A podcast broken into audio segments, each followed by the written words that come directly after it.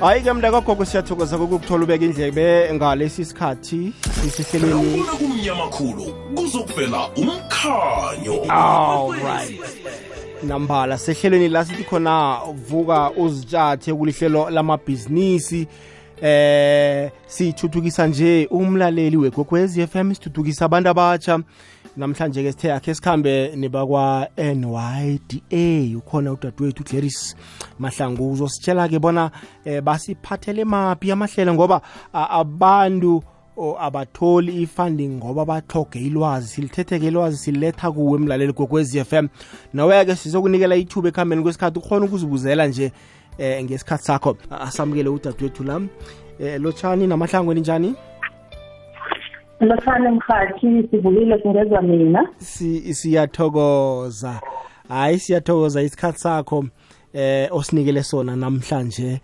Eh umlaleli uyazibuza ke bona nakukhulunywa ngeNYDA kukhulunywa ngani eh sesihlerisi. Eh ngiyathokoza mhathi ngilethise nabalaleli bekokwezi FM emakhaya. um i-National Youth Development Agency kungumnyango we-government oqalelele khulu ukuthuthukisa kwabantu abatsha eh ukubathuthukisa endeni ezifana nokuthi bawuthola kanjani umsebenzi sithi employment nangelinye ihlangothi i-self employment so umsebenzi wethu omkhulu ukuthi si-facilitate silobishe namanye ama-government departments noma namanye ama-private sector ukuthi sihlanganyele silwe nalento ye-unemployment yabantu abatsha hmm. iyazwakala ngiyakuzwa ukukhuluma ngokulwa eh, ne-unemployment yabantu abatsha uyazibuza-ke umlaleli ekhaya ulalele bona nilwa nayo njani ngimaphi amahlelo eninawo enisiza ngayo ilutsha all right Um ngithe ekhulumeni yami kunamahlelo akhona for employment then kuba namahlelo akhona esiwabiza ngokuthi ngewe-self employment okuthi ukuthi ngiwalokhu nawufuna ukuzibereka in terms of employment i-NYDA inama-partners esebenza nawo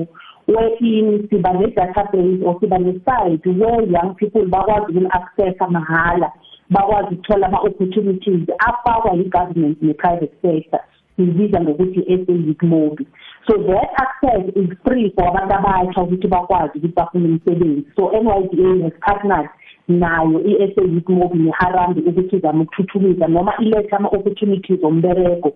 eh, eduzane nabantu abasha further to that bese kuba nama-trainings esiwenzayo you'll understand ukuthi abantu abasha kwesinye isikhathi bayawu-aplayela umsebenzi but mase bayowuthola abazi ukuthi ama-cvs noma abazi ukuthi baziconducthe njani during interviews so n y d a there's a role ayidlalayo lapho to one ensure ukuthi ama-cvs abantu abasha abawenzako ayabathembisa but lapho ukwenza isiqiniseko sokuthi naze babiziwe baye kulama-interviews bayakwazi ukuthi bafike bazithembise then bese kuba nalawo esiwabiza ngokuthi ama-self employment khulukhulu abantu abathi abasazi ngawo-ke ukuthi i-n y b a ihelebha abantu abafuna ukuthoma amabhizinisi ayahlukahlukana-ke amahlelo esinawo eh, um ukuhelebha umuntu ofuna ukungena ebhizinisini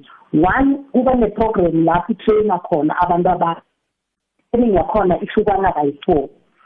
eh, sinama-training sesiwabiza ngokuthi i-generate your business idea wherein umuntu omutsha akakabi nesiyekere ukuthi ibhizinisi afuna ukuyithoma ibhizinisi enjani usese ne-idea but akayazi i-viability yakhona siyakwazi ukuthi simtraine lowo muntu omusha so that uma kayenza i-research yakhe ukuthoma leyo bhizinisi ayenze kuyukuthi u-informed ilandele ngenye-ke sibiza ngokuthi i-statue business uyayenza i-statue business ma sekuyukuthi sowu-ready i-concept yakho sowudicayidile konke ukuthi ufuna ukwenzana suke lapho bese siba ne-improve your business leyo-ke yenzela abantu kuwukuthi sebanawo la mabhizinisi but-ke ekugcineni uthole ukuthi kunamanye ama-areas ababona ukuthi bayathoda yini umuntu ukuthi mhlawumbe angathi yena akekho sure ukuthi imali zebhizinisi yakhe uziberega kuhle na so uyakwazi uku-athenda le-training esibiza ngokuthi improve your business then bese kuba nalesi i-cooperative governance cooperative governance mainly isifa labo abafuna ukuthoma ama-cooperatives abantu abathi abaningi bayahlangana bathoma ama-cooperatives but ayafeyila because aba-understandi ama-concept noma ama-policy or ama-procedure aqalelele khulu kuma-cooperatives so siyakwazi as-n y d a ukuthi sibatrain abantu abatsho ukuthi ba-understande lokho then bese kuba nalesithi i-voucher program um le-voucher program yila sikhona khona ukuthengela umuntu omutsha i-service ekuyikuthi abakwazi ukuyiphelela yona isibonelo kungaba ukuthi umuntu omutsha ufuna i-business plan siyakwazi thina as i-nyda ukuthi sibhadale sibhadale i-service provider ukuthi yenzele umuntu omutsha i-business plan yilengi-ke-ke zihlukahlukene ama-service abawakhona ungathola ngakho um ungakhuluma ngabo-website ungakhuluma ngabo-financial management system zonke lezo zihlela ziwela under the, the voucher program Those services are free and angisho futhi ukuthi all the services of the NYDA amahhala awekho ama services to NYDA that you need to pay for. Sesibane ne-mentorship, unebhizinisi uyayirana but unama-challenges ama-areas where awungekho sure ukuthi eh, wenza kuhle noma wenzi kuhle. Siyicele ukuthi abanye abakhona abasebawaranile amabhizinisi okusikhashana noma abama-experts kuma-industry ukuthi beze bazomentora abantu abatsha so uyakhona ukuyithola leyo service as well from the NIDA then bese kuba ne-grant program khulukhulu-ke saziwa for yona-ke ukuthi i-nyda inikela ngemali zamabhizinisi iyahlukahlukana-ke nayo um ithoma ku-one thousand njengokuthi ibhizinisi yakho ilisiphi isigaba uyakhona ukuyithola-ke leyo funding from the NYDA. But like I'm saying it depends on ukuthi isigaba sebhizinisi yakho sikuphi um ukuze ukwazi ukuthola le mali ngiba ukubamba lapho Clarisse ngifuna ukuyokuthengisana sibuya sizokuragela phambili ngokwekhabo lakhona okay ujd nolady b nabahlangeneko madiski divorce bafika kuwe ngomgqibelo ngesimbi yesithathu bazithezile zemidlalo ingoma ezimnandi namaxoxo azokuthabisa zitheziwe namadiski divorce ukwekwecfm kukhanya bo isimo sethu sigijima emithanjeni yemizimba yethu sikhamba nengazi ngikho igido lesikhethu likusikinya ngomgqibelo ekuseni nomavusana ngesimbi yesihlanu ngemva kwendaba ngesimbi yekhomba athi siyatshakala ngengoma ezimnandi akulethele abavumi nememezelo zemindeni sikhethu lapha sikhamba khona kukhanya ba inambala iba lichumi nemzebunane ngaphambi kobana kubethe isimbi yechumi nanye leyikwekwezi FM kukhanya ba lihlelo vuka uzitshathi la sikhuluma nabosomabhizinisi abasothuthukako namhlanje sithi akhe sikhulume nelutsha la sikhambisana nodadewethu ujeris mahlangu uvela ngaphasi kwe-nyda uzositshela nje ngama-programs akhona ngaphasi kwe-nyda njengamntu omutsha la ungasize kakhona angazi-ke dadewethu ubona ufuna ukuragela phambili ngama-programs or ngingangena ngombuzo ungangena ngombuzo baba bese ngiwahlanganisile okay manje-ke la Clarice eh, umlaleli uyazibuza bona ayakhulunyiswa ama-program la siyawezwa kodwana bonke abantu bayalila bathi hey, hey asiwatholi atholwa babantu abanje into ezifana nalezo ama-requirement imfuneko zakhona Eh, mhlambe kufuneka ini emntwini omutsha eh, zihluka kanjani imfuneko into ezifana nalezo uapplyelwa njani into ezifana nalezi eh, ama-programs abaliweko la alright um ama-programs e-nyda um um asisawa-aplayeli manual angithi asisagcwalisi amafomu oh. eyenzakalayo ukuthi umuntu omutsha uya kuwebsite ye-NYDA e, kune-portal esiberegisako sibiza nge-ERP portal so ukhona ukungena kuwebsite ye-NYDA e,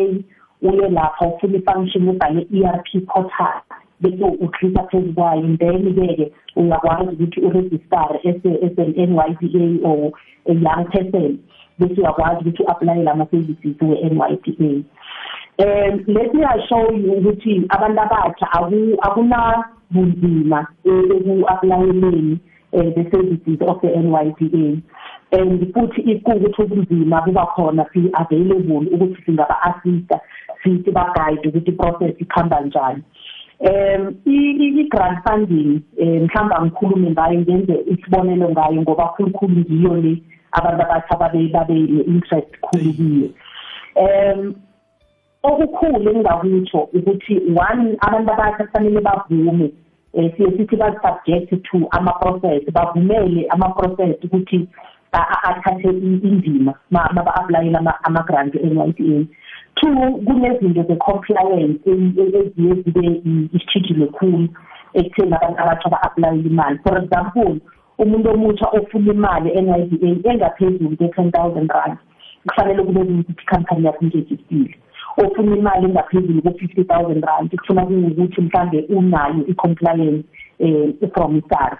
um eh, if umuntu omutsha mhlawumbe uberekele emadrobheni endleleni kuyofuna ukuthi abe nazo iy'mpepha zakwamasipala ezivumela ukuthi usebenze lapho so basically akunabunzima obungako obungenza ukuthi umuntu omutsha agcine mhlambe angakatholi ihelebho if anebhizinisi eranayo or afuna ukuthoma ibhizinisi kuyukuthi if ayivule ama-application form akhona online bayakwazi ukuthi bazi-aplayele bona emakhaya um without ukuthi mhlawumbe baze bafike ema-ofisini iyazwakala dadwethu asimmemeke nomlaleli la ku-079 413 2172 0794132172 iwhatsapp voice note yethu umlaleli kokwez FM leyo eh, ungangena ubuze wakho umbuzo ithuba elifana naleli liyimvela kanqani namkha ukungeneke nemtatweni ku-086 000 3278 086 nomoro yomtato yethu leyo ongakhona ukubuza ngayo singaragela phambili eh, dleris ngama-programs amanye mhlambe ongakawaphathi alright eh kunenye iprogram futhi mhlambe esiyibize ngokuthi i-market linkages market linkages ilazizama khona ukuthola ama-opportunities um for abantu abatsha bese siyabalinga nalawo ma-opportunities asuke akhona ngaleso sikhathi so nayo leyo ithi ukuthi there's every partner or stakeholder whether private sector noma government okuwukuthi unawo ama-opportunities afuna ukuwavula for abantu abatsha they are welcome ukuthi beze e-nyda sikhulumisane so that abantu abatsha bangakwazi uku-accessa lawo ma-opportunities nathi thina sizabagayida ukuthi baze bafinyelele ekutholeni lawo ma-opportunities iyazokala eh, manje-ke ngiyazibuza la ngihleli khona bona sele umuntu omutsha alitholile isizo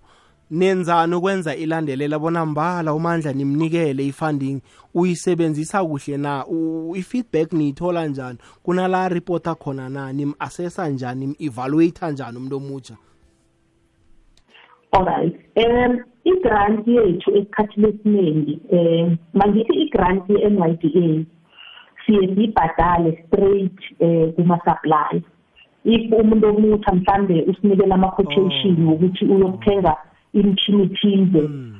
usaplaya ethize hmm. eh, sibhadele isaplaya leyo singanikeli yena umuntu oh. omutsha imali that's one two once i-n y d a seyibhadelile imali leyo siye sinikeze umuntu omutsha amalanga to say ngamalanga nje kufanele kuwukuthi imithini leyo seyiyithethe na ukuthi akayithathi kothi hmm. usazise ukuthi akayithathi nama-reasons waye ungakayithathi mase sewuyi-check-e ama-officers wethu ayenza on-site azo-check-a ukuthi lento le oyithethe lapha kusaplaya ngiyo le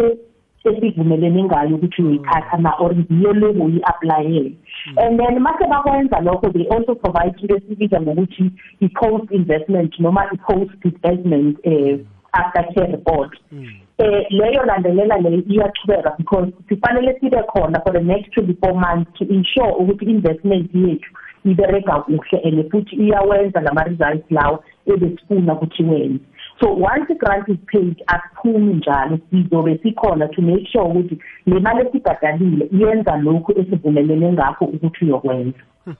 iyazwakala dadwethu ngifuna khe sinikele umlaleli la ithuba khe kazibuzele yena siqu sakhe akhe simuzwe akwande imindlo lavunosesi lapho sithekele sethu namhlanje wakwa-n y k a manje ngemzwatini awuthengisa esitradini kose ube nencwadi ilo kanje kamasipala ukuthi uyathengisa endleleni license manje what about ngithengisela ekhaya ejardini sho sengiza kulalela emhatshweni beziwe m p ethemba lethu asimphendule dadwethu okay amabhizinisi ama la ayachiyana mhaji um kunamabhizinisi avumelekile ukuthi angaberege emakhaya and if kuyibhizinisi enjalo akunakinga uyakhona ukuthola ihelebho e-n y d a um eh, ibhizinisi yakho iberegele ekhaya but ma ukuthi ibhizinisi kuwukuthi umasipala amabhayilozi wakamasipala akavumi ukuthi ibhizinisi leyo iranele ekhaya then akukade kukhonakala ukuthi sikufunde um eh, ibhizinisi sekhaya so angeke ngikwazi ukukhipha i-straight answer ngithi yebo noma cha engingakutsho ukuthi it's a case by case kuya ngebhizinisi ukuthi ibhizinisi enjani leyo but uyakhona uku-aplayela imali yethu ngebhizinisi eberegele ekhaya hmm. iyazwakala dadewethu kunenye la eh i-national youth service program engiyibona ikhulunyiswa khudlwana kuma-social media ngenjani leyo dadewethu okay I-National Youth Service nayo ngenye yama-programs ine-unit ngaphandle phakathi kwe-NYDA ipromote kakhulu i-community service so besi-encourage nakhona ukuthi if abantu abatsha banama-programs that they want to do within their communities they can approach us so that they can be assisted as well hmm. iyazwakala nayo leyo i-aplayelwa via i-online portal yenu amaprogramu e-NYDA wonke um atholakala kwi-portal ungakhumbula esikhathini esiningi ngikhathi abantu abatsha bebalila ngokuthi ama-offices we-NYDA asemadorobheni akude ngezinjalo so sizama ukuvala igap yokuthi abantu abatsha beze ema-ofisini bakhona ukuthi ba-aplaye base emakhaya ba-aplayela amasevisi we-n y d a then-ke-ke thina siyakwazi ukuresponda masifanele siye kibo siye kibo iyazwakala imlaleli ungalithubeli lingakuphuni nakancane 086 0003278 086 0003278 mntomutsha ngena ubuze eh ithuba elimvela kancane nawulitholile kulisebenzise 079413 2172 0794132172 kuma-whatsapp etatwethu kunenye la ebizwa ngesolomon kalushi mahlangu scholarship fund isebenza njani yona Solomon Mahlangu scholarship baba iqalelele khulu you remember ukuthi kune kune SNSFAS ngithi um iNSFAS kwadeclare ngomunye unyaka ukuthi sikhona ukuhlelela eh, up to a certain threshold and then because iSolomon Mahlangu yayikhona ukuthi ikwazi ukuqalelela kakhulu abantwana abayema university angithi so le scholarship lakhe usesekhona uyakwazi naso ukuthi uye kuwebsayithi i-nyda uyi-aplayele ifuna ukuthi you need funding um sivela sivela sithi thusano fund sithi solomon masango scholarship laphana on the portal iyazwakala ngifuna ke sinikele umlaleli lakhe kazibuzele naye isiqu sakhe um akwande um eh, mindlolapha ndiba ukubuza njenge-nd kuzanjani if bakhe ba A praia foi criando de uma acontecer logo para ter que nem vai ganhar para a praia andando eu a praia a praia para que não vá fazer ganhar não vai ter e justa tanga le pati ba fana ga ikene banga banga banga go siphambili uthindele i business uyata phambili ebene wasikhobe yoga apply banikeze yona leyo ongaka-aplayeli kuthi anjani ukuthi bafike lapho bakunikeze into abongaka-aplayeli and funa ukwazi after sebakufanele ngalelo after sebakufanele bakunikela isikhathi esingangani ukuthi u-aplaye again um akhe sithome la nakho ngiyitholile ifund uyabuza nginikele isikhathi esingangani kodwa ukuthi nginga-aplayela enye i-funding okay um uzongihelebha mhathi kunombuzo engingakawuza but imphendulo lo ombuza wona nje ngiyeza kuwo i-funding ye-n i eh kahle kahle encouraging eh, abantu abasha ukuthi masikunikelile i-funding eh bereka so that it multiply eh CSE discourage leyo ukuthi ube dependent eh ekutheni NYDA fanele ikufande ukuthi but CSE ke iku ukuthi sikufandile mhlambe sakususa ku A sakubeka ku B and uyabona ukuthi le business lena iyakhula manje seyiku-B and idinga i-funding enye ukuthi iqhubekele phambili hmm. unakhona ukuthi ubuye after 12 months which is unyaka oh. eh after sikufandile le yakho isikunikelile ngesandini yokuthoma ngiyabona ubuzileke umlaleli la uthi naku uya-aplayela i-funding isizwe elithize ngaba i-funding namkhayini afake konke nama-quotation kodwana akasasizwa ngento lebekayifuna kuthiwa hayi wena sikuthome la ku-foundation face siza kusiza ngaleyo ekuhambeni kwesikhathi uthi kwenziwa yini lokho okay um mhlambe angenze isibonelo mkhathi angikho siyekele ukuthi mhlambe umlaleli yinto into leyo ayibuzayo nangu umuntu omutsha u-aplayela mhlambe i-fifty thousand rand uthi uyokuthenga ngenzifonelo uyokuthenga iy'nkukhu eziyi-five hundred uyazikhulisa now masenza i-assessment um yaleyo grant because ngikhumbula kufanele siyihlola ngithi nathi i-application sithola ukuthi no no eh akanayo imarket for inkukhu ezi-500 or akanaso ispace esihanoho for inkukhu ezi-500 bese sithi kuye no no we can finance mara sizozihafula zithi 200 because unemarket engaka nendawo yakho yokubeka le nkukhu ingaka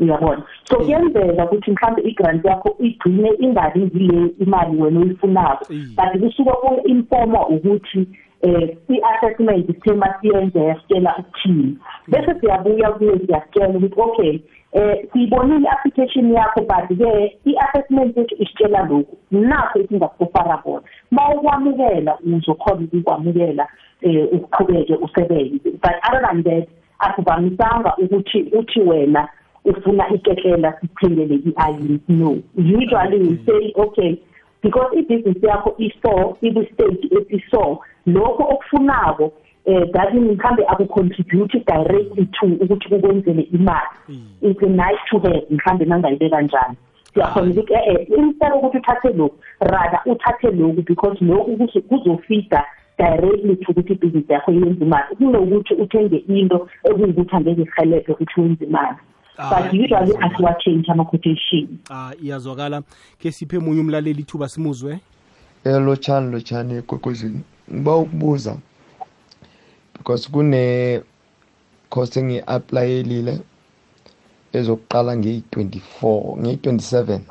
zakule nyanga eh already sengihambisile ngihlangahlanganisile lo mali leyo okumele siyibhadale for low cost yikho sekwenza amazipho eh lo make up so ikhosi ye 2 weeks ezikuyi-course ye-two weeks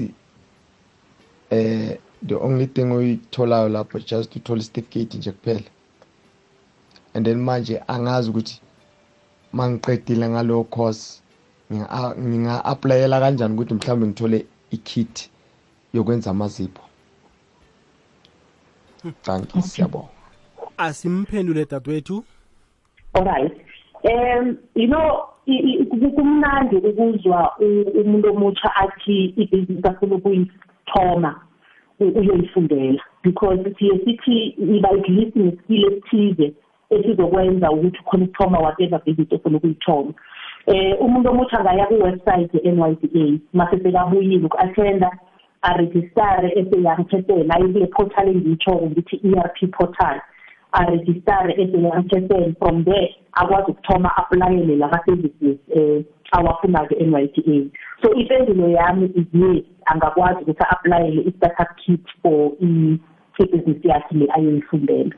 hmm. iyazwakala khe siphe omunye kodwa umlaleli ithuba okay eh ngiyanizwa uthi sisi lapha middle of eh kose kuwa aziwe ukuthi ibhizi ahead enjani mina ngizilungisela amabhayisikiri la wabantu eh ngivele ngenza i-bicycle fixing so bengifuna like i-funding yokuthi ngikhona ukuzithengela ama-parts atholakale kimi because eh abantu bayeza bazolungisa amabhayisikiri cause bakhambe bokuthenga ama-parts somewhere you see so ibhiziret ami ngileyo mina mindlo lafu hmm. colisa ukubuyabuya kaningi mani no akunamraro mswekhaya asimphendule dadwethu nangumluni ephane elibhitha yamabhayisigila ufuna ukuyikhulisa-ke nje eh, ivilo akhona ukulithengisa yena siqo sakhe yomhelebha kakhulu into leyo because i-bottom line yakhe izokhuphuka uzokwazi ukuthi enze i-profit engathithe caca so yes angaplaya e-n y z a ukuthi simthengele amaphathi awadingako so aye ku-n y z a website afune i-erp portal a registrarse yangisebenze na apply hmm. iyazokala yazi ngibone khona okwayikhulumisa la abalalela bangakayi-chechi i-mentorship mentorship hmm. ngicabanga ukuthi umentarwa ubanjwa ngesandla babantu abanelwazi ngento leyo oyifunako iqakatheke kangangani dadwethu Look i-mentorship iqakatheke kakhulu eh that's why ngithe mangikhuluma ngayo ngathi even if eh angikhulumeli kuphela ekutheni abantu abasha abakhona eh siba mentor but also ama stakeholders noma abantu ukuthi ama industry experts eh sibawabe ngaphambili bazokwazi ukuthi basimentorele labantu abakhe um you know ibhizinisi iyafuna ukuthi kube nomuntu okubamba ngesandla akutshele ukuthi lana senza so lana yenza so lana yenza so so sinawo ama-mentors in our database esibaberegisako ukuthi once sikunikela le-grant funding for example akubambe ngesandla akukhombise ukuthi lana senza so lana senza senza so but-ke nathi as the agency sinawo ama-business development advisors ngaphakathi laba abahelebhayo ukuthi benze lama-application nabo bayahelebha futhi ukwenza le mentorship esikhuluma ngayo so ku-business-ke eh, mentorship eh, is very key um would even say to young people ikukukhona umuntu emphakathini orana ibhizinisi ethize mhlawumbe umuntu omusha afuna ukuyithoma angenza naye yena loyo muntu loyo azoba yimentor simregistara on a database abe yimentor yakhe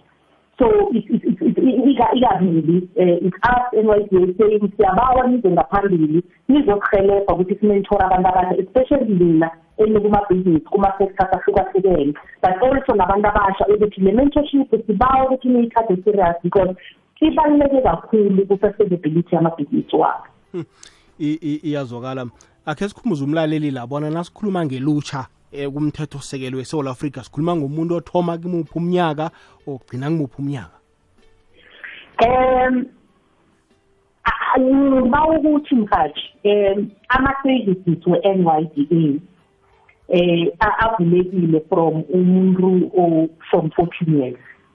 because kunama-programs ukuthi sikwazi kuwa-ofara abantwana basesesesikolweni yo-grade eleven grade twelve eh but ke lama programs ethu NLD aya ngeminyaka so from 18 kuya phezulu sesikhona yokuofara lama programs are related to business but ngoko NYDA sithoma ku 14 sigcina ku 35 but ke lama age ke ayafika hlukana ngaphakathi kwama programs iyazokala alo dadwethu abantu abaphila nokukhubazeka nibaqalelela kangangani nibakhuthaza kangangani bona nabo basizakale eh mkhathi si si siyafuna khulu ama structures eh aqalelele abantu abakhubazekileko sinikezwe i-mandate e-very eh, e, e, e, clear eh by i-government ukuthi we need to fanele senze isiqiniseko sokuthi siyabasapota um we sike saba ne-program lapha ngojuni um eh, la sanikela khona ngama-grant um lapha kwamhlanga to abantu abatsha abakhubazekile eh abawu15 ngalokho besizama ukuyiphakamisa lento ukuthi izali ngaphambili so ikukuthi kukhona ama structures or kukhona abantu abathu abakhubazekile eh siyabadinga kakhulu so that bangakwazi nabo ukuthi bafake kule kule kule kule ukuthi bathola ama programs or bathola ihelebho from the NYDA whether employment or self employment so if bakhona eh abavele ngaphambili sizokwazi ukubaheleka iyazwakala yazi ngilibele kukubuza labona niyakhetha na bona yibhizinisi enjani namkani nisekela wonke amabhizinisi akhona umuntu mhlawumbe ufuna ukuvula eh isport tavern niyakhona ukumfanda eh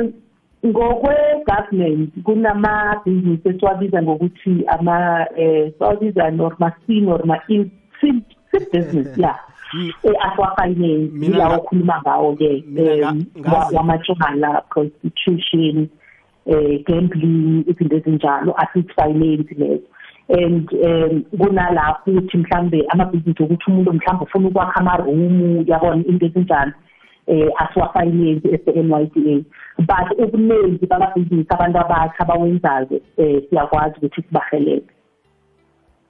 Oh iya iyazwakala hayi sizoyivala ke mlaleli la ku 086 0003278 ungangena nawo uzibuzele umbuzo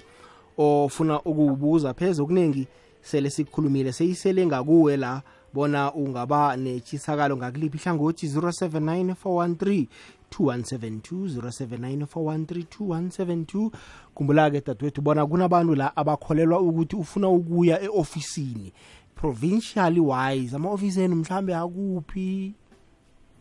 alright um ngempumalanga sinama-ofisi awu-four um lokuthoma lilapha elibanki um e, e, e, emalahleni um downtown um elesibili lisesekhunda um liqalelele isayidi leya yehertibande leli lisemalahleni liqale inkangala district elisesekhunda liqale i-area leya yehertibande um ngani sine-ofisi e, embombela e-nelspring liqale khulu ihlanzeni and then bese siba ne-ofisi ethula mahashe liqalekele khulukhulu isayidela labo-bushback ridge akusitsheli nomboro bona nitholakala kuphi njani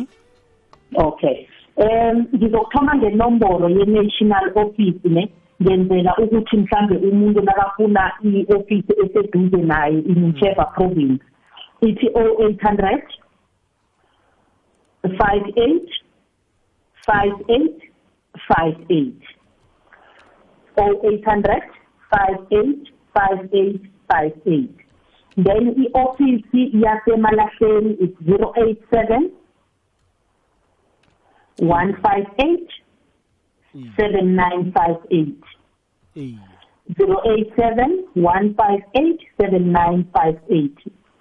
y hacen el freight 087 158 7836. 087 158 7836. Secunda 087 158 7935. then we get bese message about national office uma ukuthi kunenye number ye-office if you to the right offices Oh, oh, okay amagama akho kokuphela mhlambe nokugcizelela esikhulumileko ngama-programs eninawo ngathini bese siyayivala um angithokoze emhathi engingakutsho abantu labatsha ukuthi um please siyabawa applyani for ama-services we-n y d a niye lapha kuwebsite ye-n y d a nifune i-function ethi e r p portal wonke ama-services we-NYDA uwa-aplayela lapho ayikho isevisi e-NYDA ebhadalelwako yonke isevisi e-NYDA imahhala ma kuwukuthi kukhona isizo olidingayo ungakwazi ukusithinda sikwazi ukuhelebha um eh, ihelebho likhona e-NYDA ama-funding akhona for ama-businesses wenu so ngiyacela kakhulu ukuthi nisisebenzise ngiyathokoza siyithokozile dadwethu kuba nawe namhlanje sithokoza kulu kwamambala inomboro uzitshiyile umlaleli uza kuthoma zithinde kusasa ngenkathi zomsebenzi siyathokoza ukuvela kwenu thokoza mina baba siyathokoza bekungudadewethu la udleris mahlangu ovela kwa-nyda sithembeke mlaleli bona ayi uzwile begudu uzithethe nenomboro uzabathinda kusasa ngesikhathi sakhona amathuba afana nala ungathomi walise ngoba uba mtshakanye wadlula wabangale kwaka-35 hayi akusakhonakali sekufanele ukokode kweminye godi iminyango sebenzisa leli thuba nje usakhona nje ungakayireshi i-35 yakho wenze nanyana kuyini ofuna ukukwenza ulandele imithetho yakhona u-aplaye ngendlela khona konke nje um kuza kuhamba kuhle ngendlela yakhona